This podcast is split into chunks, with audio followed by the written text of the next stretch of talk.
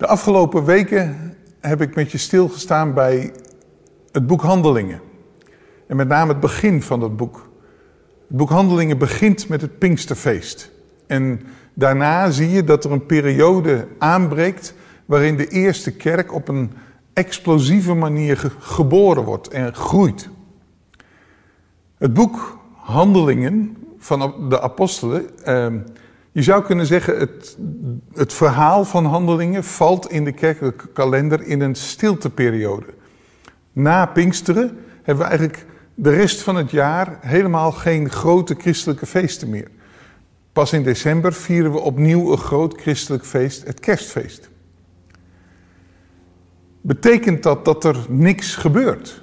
Nou, eigenlijk niet. Eigenlijk juist niet. Want het boek Handelingen gaat over de handelingen van de apostelen. Na het Pinksterfeest komt er een geweldige beweging op gang. De apostelen, door de kracht van de Heilige Geest, staan op, beginnen hun prediking en de prediking van dat evangelie gaat daarna, lezen we, over de hele wereld heen.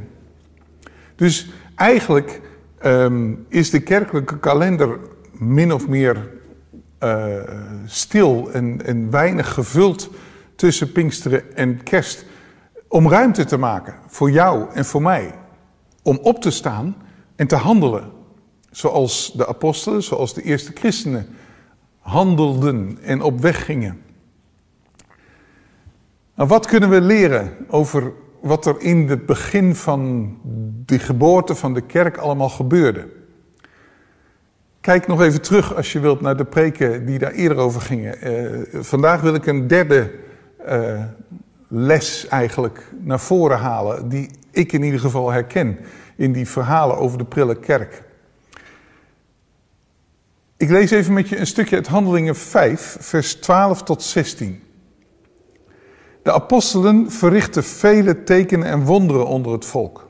De gelovigen kwamen eensgezind bijeen in de zuilengang van Salomo, eh, in de tempel is dat. En ofschoon niemand zich daar bij hen durfde te voegen, sprak het volk vol lof over hen. Steeds meer mensen gingen in de Heer geloven.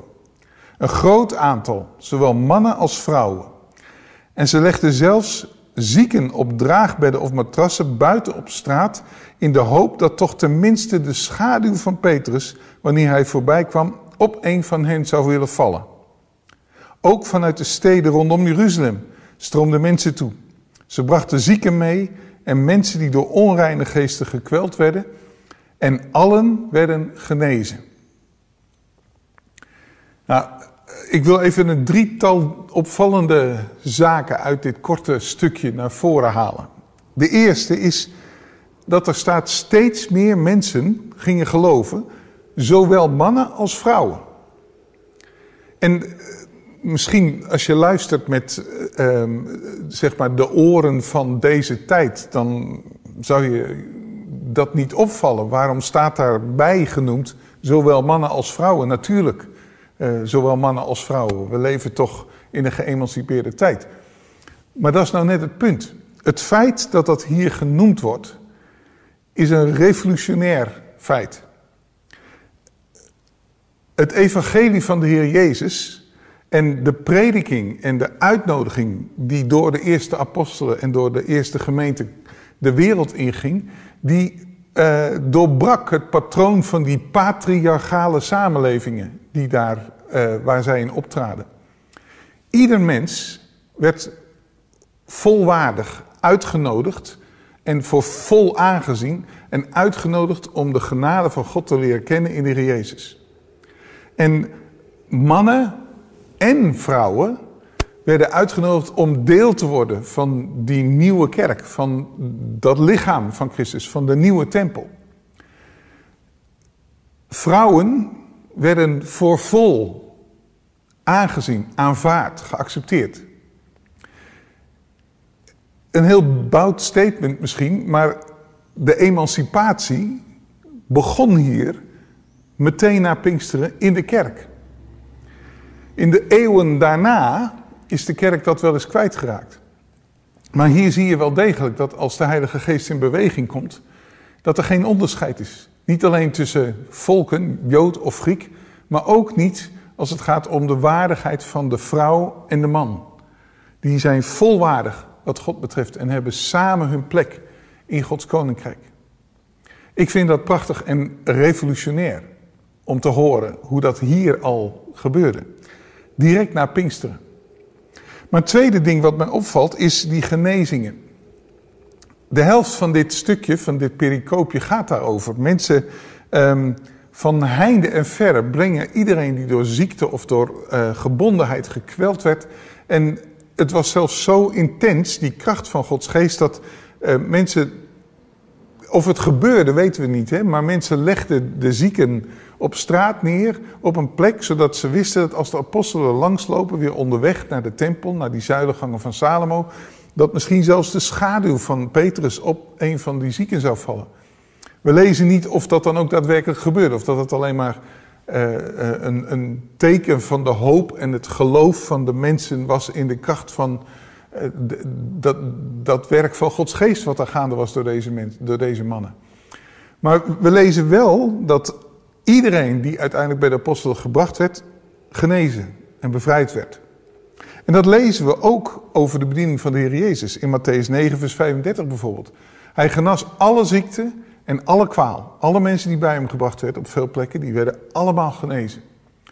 Dus je ziet dat die kracht die eerst in de Messias, in de Heer Jezus was, is nu op zijn volgelingen. In even grote mate. In evenveel overtuiging.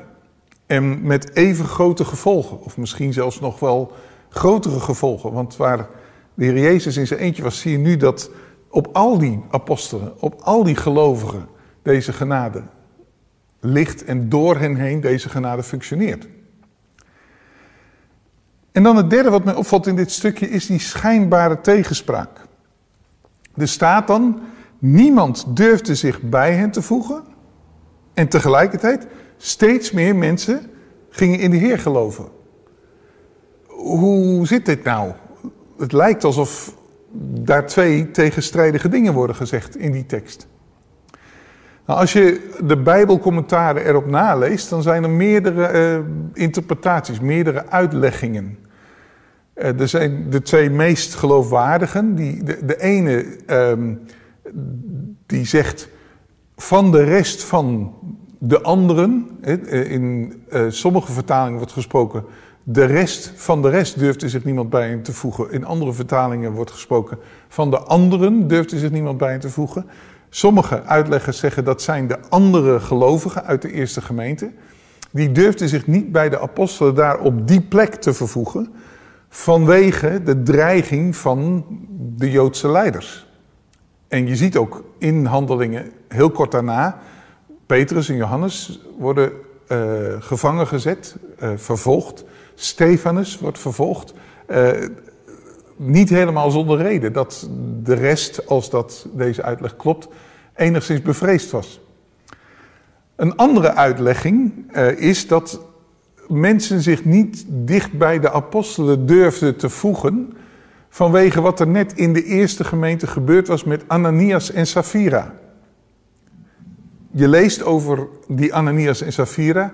Uh, Paul voor deze pericoop in de Bijbel. Paul voor dit stukje in de Bijbel. Ik wil daar zo meteen even nog verder met je naar kijken. Maar dus een vrees voor um, ja, de, de intensiteit van deze kracht die op deze eerste volgelingen van Jezus lag, leidde ertoe dat sommigen afstand bewaarden, uh, op afstand bleven. Tegelijkertijd, wat een contrast als je het opereren van deze discipelen van de Heer Jezus ziet. Met die eerste volgelingen voor de dood en de opstanding van de Heer Jezus en voor Pinksteren. Denk aan Gethsemane. De apostelen die daar aanwezig waren, de discipelen van Jezus, de volgelingen. Op het moment dat, er, dat het erop aankwam, vluchtten ze alle kanten heen. En nu is er een kracht en een vrijmoedigheid waardoor ze het hol van de leeuw binnenlopen zonder enige scrupules, zonder enige schroom. Wat een verandering door de komst van de Heilige Geest. daar wil ik eerst even met je bij stilstaan. Een paar vragen. Ben jij wel eens bang om openlijk voor je geloof uit te komen?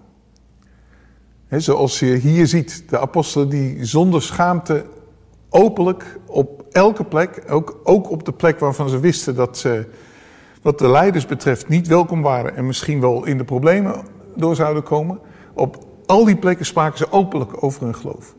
Ben jij wel eens bang om openlijk voor je geloof uit te komen? Wanneer en waarom? En tweede vraag, hoe ga jij om met de vrees voor vervolging of kritiek om wat je gelooft? stel dat je dus wel een, een, keer de gelegenheid hebt en je, spreekt openlijk over je geloof. En mensen worden kritisch, mensen reageren negatief daarop. Wat, wat doe je daarmee? Of misschien ook, wat doet dat met jou? In Spreuken 29, vers 25 staat: Vrees voor mensen spant een strik. Wat is die strik, denk jij? Waar gaat dit over? Wat, waarom zou, als ik bevreesd ben om openlijk voor mijn geloof uit te komen, omdat ik bang ben voor kritiek van mensen, waarom zou dat een strik zijn? En tot slot, wat maakt jouw geloof in Jezus kostbaar? Wat maakt het misschien wel zo kostbaar dat je de prijs die je misschien soms zou kunnen moeten betalen vanwege kritiek of vervolging, dat je die prijs betalen wilt. Zoals gezegd, een van die twee uitleggingen over die schijnbare tegenspraak, mensen durfden zich niet bij de apostelen te voegen, en tegelijkertijd komen er steeds meer mensen tot geloven, maar worden dus deel van die eerste gemeente, voegen zich dus wel bij die apostelen en bij die eerste gemeente. Eh, een van die uitleggingen was dus dat er vrees was om wat er net voor dit stukje beschreven wordt, dat er gebeurd is met Ananias en Safira. Nou, ik moet je eerlijk zeggen, dat, dat verhaal wat ik daar lees over die gebeurtenis met die Ananias en Safira, dat, daarvan krijg ik ook een knoop in mijn buik. Ik weet niet of jij dat ook hebt, maar ik zou het heel logisch vinden. Laten we het even lezen. Handelingen 5, vers 1 en verder. Een zekere man van wie de naam Ananias was, verkocht samen met zijn vrouw Safira een eigendom. Kort daarvoor staat in handelingen hoe heel wat mensen, uh, hoe de gemeente eigenlijk alles samen deelde. En hoe regelmatig mensen eigendommen die ze hadden verkochten en het geld aan de voeten van de apostelen brachten zodat dat kon worden gebruikt om mensen die het minder hadden in die eerste gemeente te ondersteunen. Zo ook deze Ananias en Safira. Maar dan staat er, en zij hielden een deel van de opbrengst achter. Hij hield een deel, Ananias, van de opbrengst achter, ook met medeweten van zijn vrouw. En hij, Ananias, bracht een bepaald gedeelte en legde dat aan de voeten van de apostelen. En Petrus zei, Ananias, waarom heeft de Satan uw hart vervuld, zodat u gelogen hebt tegen de Heilige Geest en een deel achtergehouden hebt van de opbrengst van het stuk grond. Als het onverkocht gebleven was, bleef het dan niet van u. En toen het verkocht was, bleef de opbrengst dan niet tot uw beschikking. Waarom hebt u deze daad in uw hart voorgenomen? U hebt niet tegen mensen gelogen, maar tegen God. Toen Ananias deze woorden hoorde, viel hij neer en gaf de geest. En er ontstond grote vrees bij allen die dit hoorden. En de jonge mannen stonden op, legden hem af, droegen hem naar buiten en begroeven hem. En het gebeurde na verloop van ongeveer drie uur dat ook zijn vrouw daar binnenkwam, zonder te weten wat er gebeurd was. En Petrus antwoordde haar, zeg mij, hebt u beide het land voor zoveel verkocht? En zij zeiden ja, voor zoveel. Petrus zei tegen haar, waarom toch hebt u met elkaar afgesproken de geest van de Heer te verzoeken? Zie, de voeten van hen die uw man begraven hebben, zijn voor de deur en zij zullen ook u uitdragen. En zij viel onmiddellijk voor zijn voeten neer en gaf de geest. En toen de jonge mannen binnengekomen waren, troffen zij ook haar dood aan. En zij droegen haar naar buiten en begroeven haar bij haar man. En er kwam grote vrees over de hele gemeente en over allen die dit hoorden. Wat een verhaal. Wat een schokkend verhaal, moet ik zeggen.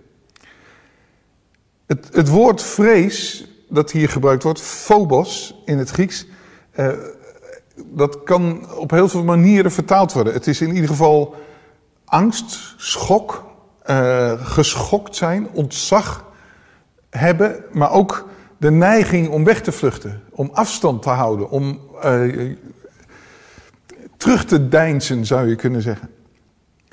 Waarom? Nou, als ik verplaats je even in die mensen, die omstanders die daarbij stonden en daarnaar keken. Um, het verhaal van Ananias en Safira, wat zij hadden gedaan, op zich niks mis mee. Een stuk land verkopen, een deel van de opbrengst daarvan apart zetten en aan de gemeente geven. Alleen, je hoort in, als Safira bevraagd wordt, het, haar antwoord, daar hoor je wat het probleem was. Ze hadden afgesproken samen, op het moment dat we dat brengen, dan zeggen we niet dat dit niet de hele opbrengst van dat land was. We zeggen dat dit de hele opbrengst was. We houden een stuk achter, maar desgevraagd, we hebben land verkocht, dit is de opbrengst. We liegen er dus om, hadden ze afgesproken. Petrus brengt dat aan de orde. Hij zegt van, hoor eens Ananias, toen je het land verkocht, heeft iemand je verplicht om dat geld hier te brengen? Nee toch? Je mocht doen met dat geld wat je wilde. Het was ook niet verplicht dat je de hele opbrengst zou brengen of een deel. Maar waarom lieg je erom? Je liegt nu niet alleen tegen ons, maar tegen God, tegen de Heilige Geest. En dan wordt heel erg duidelijk in die eerste gemeente, waar de Heilige Geest zo krachtig in het midden was, dat soort leugen, die verborgen zonde, dat kan niet. Dat kan niet meer. En het gevolg is gruwelijk. Ananias valt dood neer. En waar Safira hetzelfde doet, valt ook zij dood neer. Er is geen ruimte dus meer voor huigelen. Er is geen ruimte meer voor iets anders dan eerlijkheid. Het wil niet zeggen dat er geen ruimte meer is voor gebroken mensen. Voor mensen die nog worstelen met keuzes, mensen die fouten maken. Maar de uitnodiging en de, bijna de, de, de noodzaak in die opwekking van de, waar de eerste gemeente in beweegt, is tevoorschijn komen. Helemaal transparant zijn, eerlijk zijn. In Psalm 51, vers 8, als David, nadat hij gezondigd heeft met Bathseba, door uh, Bathseba uh, overspel met haar te plegen en vervolgens Uria, haar man, door een list om het leven te brengen. Dan komt de profeet Nathan bij hem en confronteert hem met zijn zonde en schrijft David deze psalm.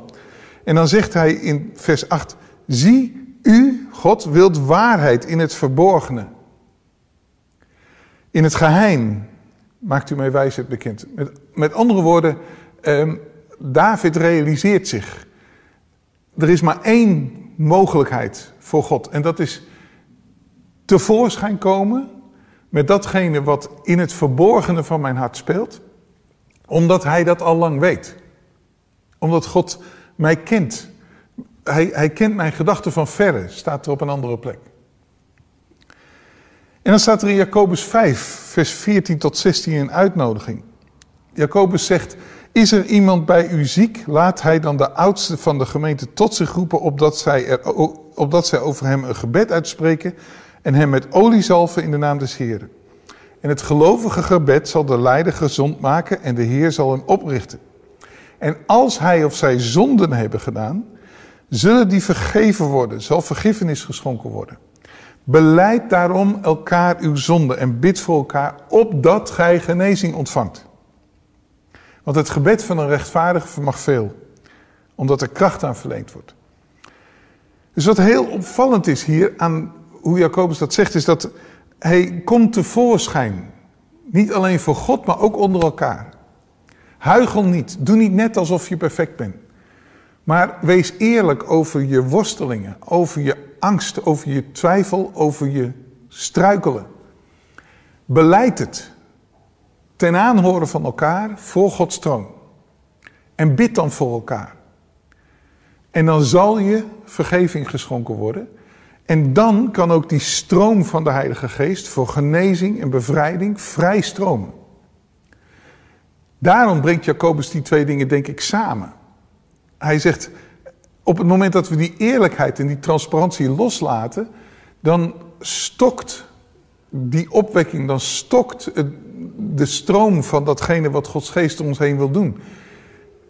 Gods geest, de ruimte voor Gods geest, die fontein van levend water die uit ons binnenste kan vloeien, die, waar de Heer Jezus het over heeft, die stokt op het moment dat wij ons binnenste afsluiten. Op het moment dat, op het moment dat wij verbergen wat daar allemaal gaande is. Daarom zegt de psalm, gij wilt waarheid in het verborgene. En niet alleen in het verborgene, maar gij wilt ook dat die waarheid aan het licht komt.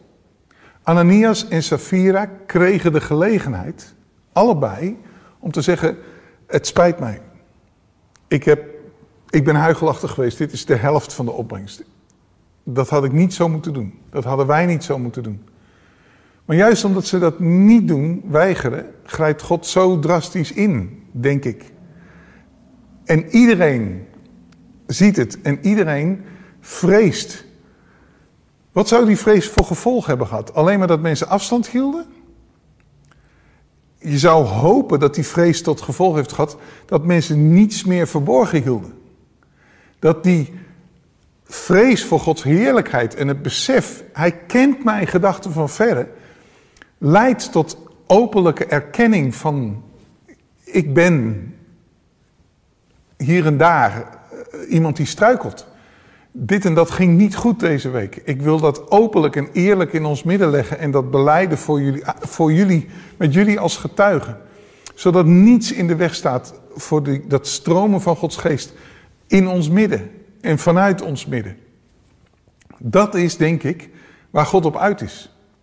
Op het moment dat de profeet Nathan bij David komt, nadat hij die zonde met Bathseba en eigenlijk vooral wat hij gedaan heeft met Uria, nadat hij dat gedaan heeft, is dat dan een aankondiging van de doodstraf voor David? Nee, het is een uitnodiging voor David om zich te bekeren. Een uitnodiging tot genade. Dat is waar Gods geest op uit is. David dicht, ik denk dat het David was, in Psalm 32, de dichter van Psalm 32 zegt dicht, welzalig hij van wie de overtredingen vergeven, van wie de zonde bedekt is. Welzalig de mens wie de Heere de ongerechtigheid niet toerekent. In wiens geest geen bedrog is. Niet geen zonde, maar geen bedekking, geen huigelachtigheid, geen leugen, zoals bij Ananias en Sapphira. Toen ik zweeg, zegt de psalmdichter, teerde mijn beenderen weg. Onder mijn jammerklachten de hele dag, want dag en nacht drukte uw hand zwaar op mij. Uw, mijn levensvocht veranderde in een zomerse droogte.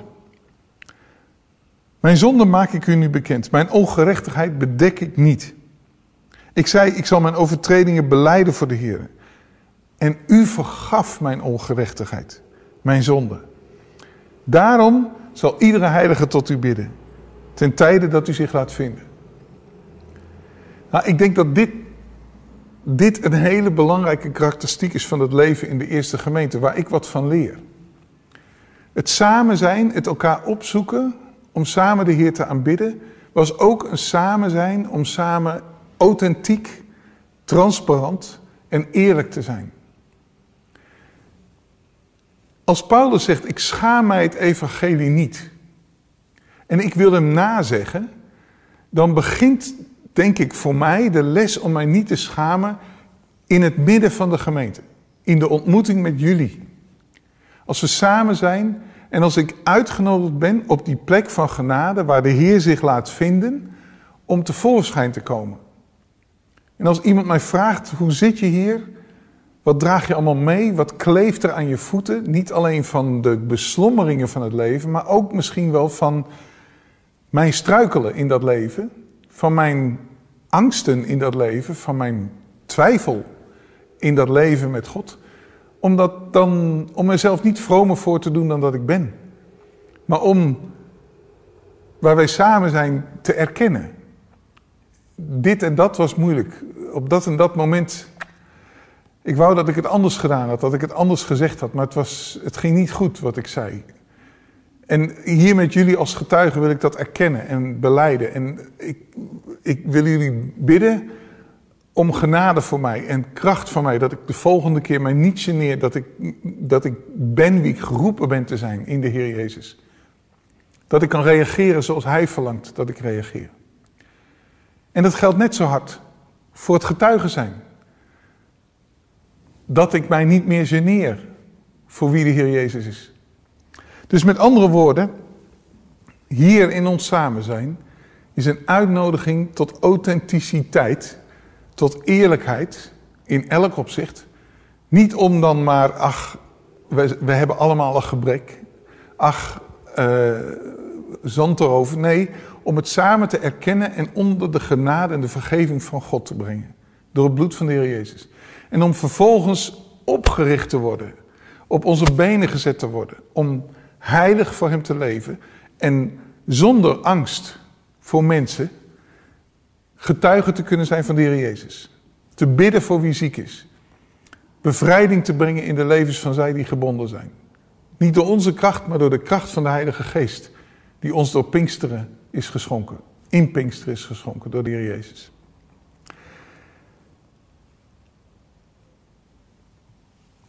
Misschien is nog een vraag. Ja, maar is daar niet ook een zekere veiligheid voor nodig? Wat is veiligheid? Bedenk ik me soms, die we nodig hebben onder elkaar. Nou, in ieder geval helpt het mij als ik samen ben met een groep mensen die mijn vuile was niet buiten gaan hangen. Dat er een zeker vertrouwen is. Tegelijkertijd, wat ik ook wel nodig heb, is mensen om mij heen die net zo eerlijk willen zijn met mij over zichzelf als dat ze hopen dat ik ben over mijzelf naar hen. Met andere woorden, dat die transparantie iets van ons is samen. Als christenen samen onder, de, onder het toezicht van de Heilige Geest. Maar uiteindelijk, als ik heel eerlijk ben, dat tevoorschijn komen voelt nooit zo veilig als ik het doe. Ik neem daar altijd een risico mee. Ik werk mij, werp mij in de armen van God, maar ook in de armen van mijn medemensen, van mijn medegelovigen. En ik denk, als het motief niet is, ik doe het om Jezus wil, dan zal ik het misschien wel nooit doen. Maar daarmee disqualificeer ik mezelf op een bepaalde manier om die wandel met de Heilige Geest vol te houden. Want de Heilige Geest kan dan niet meer stromen. Omdat ik de waarheid in het verborgene bedekt hou. En ik denk dat dat een sleutel is die ik leer van, de heilige, van, van dit verhaal over de Heilige Geest in handelingen. Dus ik wil je uitnodigen om te leren met elkaar, met mij, met ons, te leven in die transparantie. Zullen we samen bidden daarvoor? En neem daarna misschien eens de tijd om daarover door te denken, door te praten met elkaar. Laten we bidden. Heer Jezus, wat een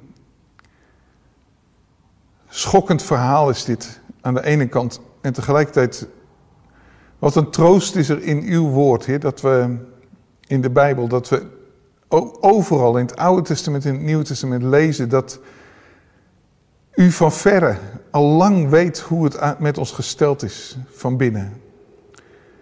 Dat u ons beter kent dan wij onszelf vaak kennen. En dat u ons niet veroordeelt om, om wat er niet perfect is in ons, maar dat u ons juist uitnodigt om tevoorschijn te komen, zoals we zijn.